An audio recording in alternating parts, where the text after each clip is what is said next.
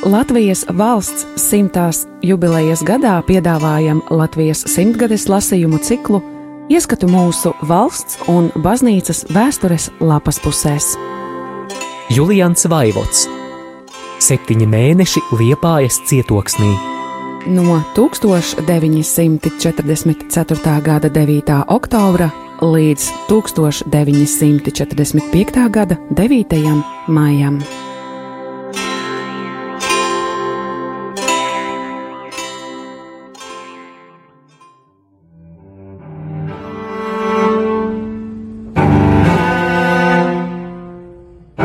1945. gada 5. martā.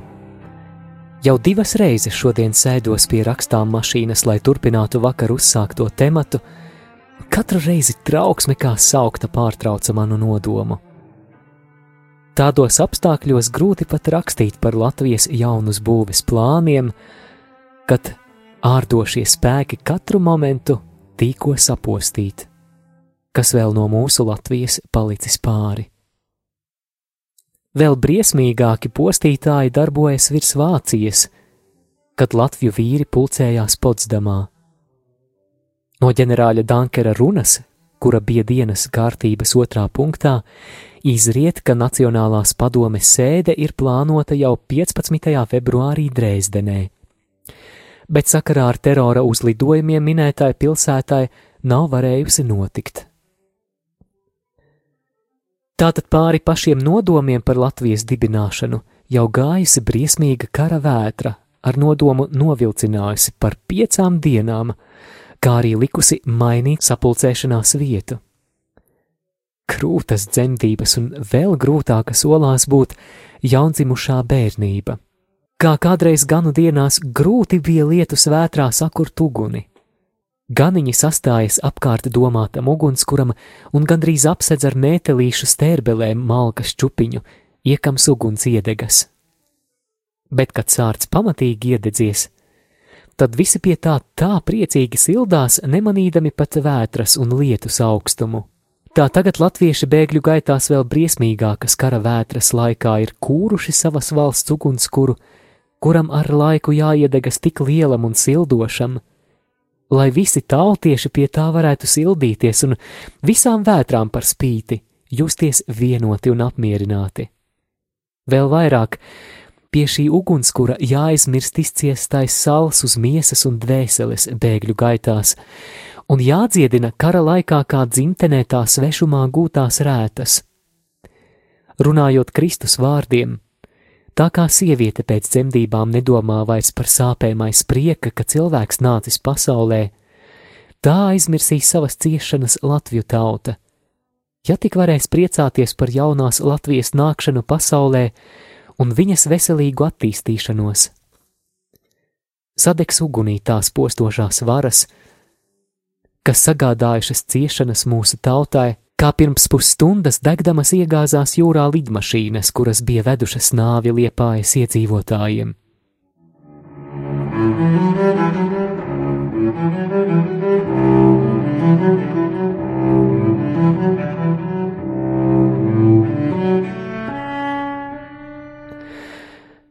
Atgriežoties pie nodomātā temata, gribu atzīmēt tikai galvenās domas no ģenerāļa Dankera runas.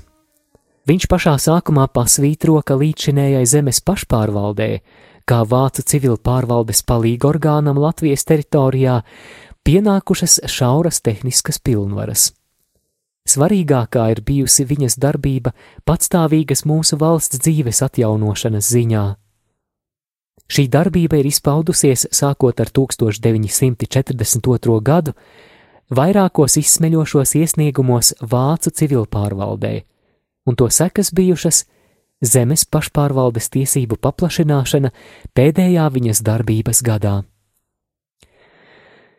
Zemes pašpārvaldes tehniskā darbība izbeigusies 1944. gada 27. septembrī, kad zemes pašpārvaldes locekļi saņēmuši uzdevumu doties uz Berlīni, ieņemto austrumu apgabalu Reichsministra rīcībā bet arī tagad pašpārvalde kā vienīgais oficiālais Latvijas tautas pārstāvības orgāns nav uzskatījusi sevi par atbrīvotu no pienākuma savas tautas intereses aizstāvēt, un vairākos iesniegumos, kā ieņem to austrumu apgabalu reiksministram, tā arī Lielvācijas ārlietu ministram, cēlusi priekšā Latvijas viedokli Latvijas valsts tiesiskā stāvokļa jautājumā, kāds tas radies pēc 1940. gada 17. jūnija. Šais iesniegumos bijuši likti priekšā soļi, kuru rezultātā būtu Latvijas valsts atjaunošana jaunās Eiropas tautu kopā. Arī Latvijas brīvprātīgo SS leģiona ģenerālinspektors esot nācis ar vairākiem līdzīga rakstura iesniegumiem savai augstākajai priekšniecībai. SS ieroču reiksfīreram aizrādot, ka Latvijas atbrīvošana un Latvijas valsts atjaunošana esot vienīgais mērķis, par ko latviešu karavīri cīnoties. No visiem minētajiem apstākļiem esot radusies iespēja sanākt šodien kopā visu Latvijas saimniecisko, kultūrālo un sabiedrisko organizāciju pārstāvjiem, lai nodibinātu Latvijas Nacionālo padomi un Nacionālo komiteju, pagaidu valdību. Lai dotu mūsu tautai stipru un vienotu valdību, pēc kādas latviešu tauta neatlaidīgi un kategoriski prasījusi visos šajos gados, zemes pārvalde, vadoties no saviem piedzīvojumiem un ņemot vērā kara un frontes apstākļus un prasības, vienbalsīgi atzinusi.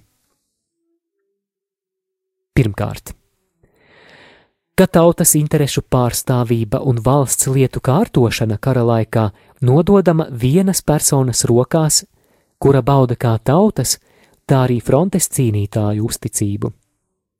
Šai personai nesot tautas priekšā ārkārtīgu atbildību, tiesības pašai izvēlēties savus līdzstrādniekus, atsevišķu resoru vadītājus. Otrakārt, lai tautai būtu iespējams caur saviem pārstāvjiem nepārtraukti uzturēt sakarus ar vienpersonīgo valsts lietu vadītāju, pie viņa nodibināma padomes lietpratēju komisija no tautas dzīvē svarīgāko saimniecisko un kultūrālo lietu pazinējiem un darbiniekiem šīs nozarēs.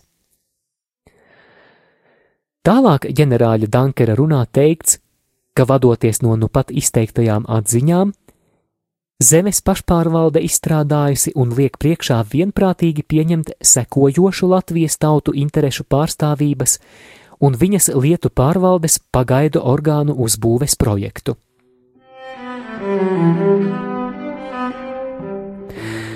Pirmais. Latvijas valsts pārstāvēšanai un Latvijas lietu kārtošanai pastāv Latvijas Nacionālā padome un Latvijas Nacionālā komiteja. Otrais. Latvijas Nacionālās komitejas, pagaidu valdības prezidenta nozīmēšana un padomes lietpratēju komisijas ievēlēšanai zemes pašpārvalde sasauc 1945. gada 15. februārī Dresdenē padomes pilnsapulci, kurā ieiet latviešu SS brīvprātīgo leģiona, lielāko saimniecisko un kultūrālo organizāciju, trīs lielāko reliģisko konfesiju, Latvijas jaunatnes aizsargu sieviešu organizāciju un sabiedrisko darbinieku pārstāvji. Diemžēl šī sapulce terora uzlidojuma dēļ nevarēja notikt Dresdenē, un to sasauca Potsdamā 20. februārī. Trešais. Padomes ievēlamā lietpratēja komisija sastādās no 18 locekļiem, kurus ievēl padome ar vienkāršu balsu vairākumu. Komisijas locekļiem ievēl arī sešus vietniekus. Padomes lietpratēju komisija pastāv kā padomdevējs orgāns pie Nacionālās komitejas. Apspriešanai noliktos jautājumus Nacionālās komitejas prezidents uzklausa kā vairākuma, tā mazākuma ieskatus. Ceturtais. Padomes lietpratēju komisijas sēdes sasauc Nacionālās komitejas prezidents. Komisijas sēdes vada agrākās zemes pašpārvaldes pirmais ģenerāldirektors, kā pastāvīgs padomes priekšsēdētājs, vai viņa prombūtnes gadījumā Nacionālās padomes nozīmēts vietnieks. 5. Latvijas Nacionālā komiteja, pagaidu valdība, sastādās no padomē nozīmētā Nacionālās komitejas prezidenta un komitejas locekļiem, resora vadītājiem, skaitā ne vairāk kā deviņiem, kurus izrauga un ieceļ Nacionālās komitejas prezidents. Resoru vadītāji atbildīgi vienīgi Nacionālās komitejas prezidentam. Sestais. Latvijas Nacionālās padomes izraudzītais Nacionālās komitejas prezidents nodot tajā pat sēdē svinīgu solījumu tautai. Svinīgi apsolos būt Latvijai uzticīgs, ziedot viņai visus savus spēkus un pēc labākās apziņas pārstāvēt Latviju un aizstāvēt visur viņas intereses līdz tam laikam, kamēr radīsies tādi sadzīves apstākļi, kad pašai tautai būs iespējams mierīgā apdomā un bez ārējas ietekmes noteikt savas zemes politiskā sadzīves veidu. Visu par Latviju. Man te gribas piebilst, diemžēl solījums bez dieva vārda piesaukšanas.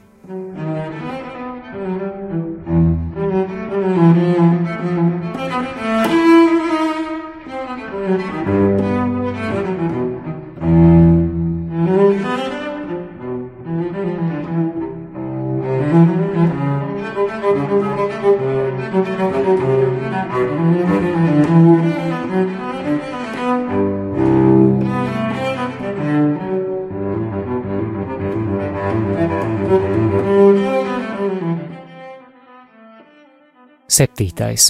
Nacionālās komitejas prezidents pārstāv Latviju uz ārieni. Astotais.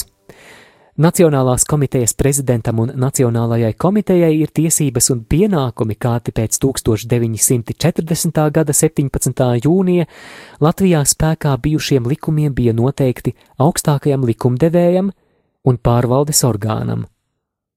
Šajos pienākumos it īpaši ietilpst A politiski, saimnieciski un kultūrāli vienot visus latviešu tautas spēkus dzimtenē, tuvumā un tālumā. B. Sekmēt cīņu pret bolševismu. C. Rūpēties par ienaidnieka aizņemtās Latvijas teritorijas atbrīvošanu, atgūstot ar to šai zemes daļā iespēju Latvijai arī faktiski izlietot savas suverēnās tiesības. D pārņemt pārvaldību ienaidnieka neaizņemtajā Latvijas teritorijā, cik tālu tā neatrodas frontes joslā. Faktiski vairs tādas nav. Mana piezīme. E. Saziņā ar Lielvācijas iestādēm kārtot latviešu bēgļu aprūpību. Rūpēties, labvēlīgiem apstākļiem iestājoties, par visu bēgļu pārvešanu atpakaļ dzimtenē.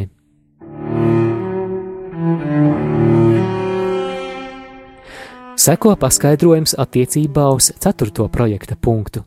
Kāpēc agrākais zemes pašpārvaldes pirmais ģenerāldirektors ir padomes pastāvīgais priekšsēdētājs?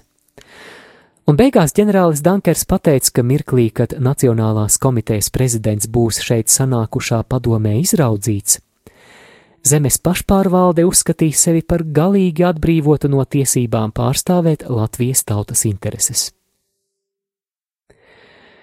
Pie jautājuma, kas ir pret šiem priekšlikumiem, Nacionālās padomes delegāts Ēvalds Andersons ienesis priekšlikuma projekta trešo un ceturto punktu izteikt šādi. Nacionālās komitejas prezidents no Nacionālās padomes locekļiem izrauga 18 lietpratēju komisijas locekļus un sasauc tos uz sēdēm pēc vajadzības, ko padome vienbalsīgi pieņem.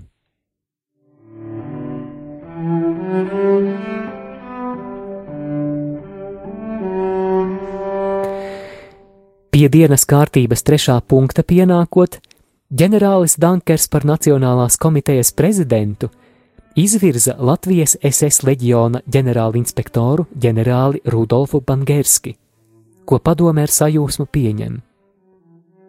Kad prezidents ir teicis svinīgo solījumu, seko apsveikumi un suminājumi. Pēc tam prezidents nolasa savu deklarāciju. Atskan Latvijas himna. Seko ministeriāla diriģenta Cimermaņa runa. Ģenerāļa Dankera un prezidenta pateicības vārdi noslēdz vēsturisko sanāksmi. Latvija ir atkal atjaunota. Lai gan mednis vēl kokā, bet vismaz zīle jau rokā. Arī par to paldies Dievam un cilvēkiem, kas to sekmējuši. Kā jau vakar teicu, kas pateicis A, tas pateiks arī B, uz ko novēlēsim paši sev daudz laimes.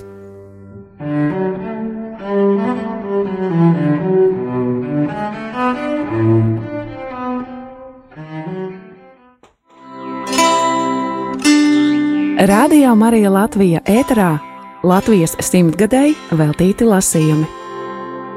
Julians Vaivots Septiņi mēneši liepājas cietoksnī. No 1944. gada 9. oktobra līdz 1945. gada 9. maijam.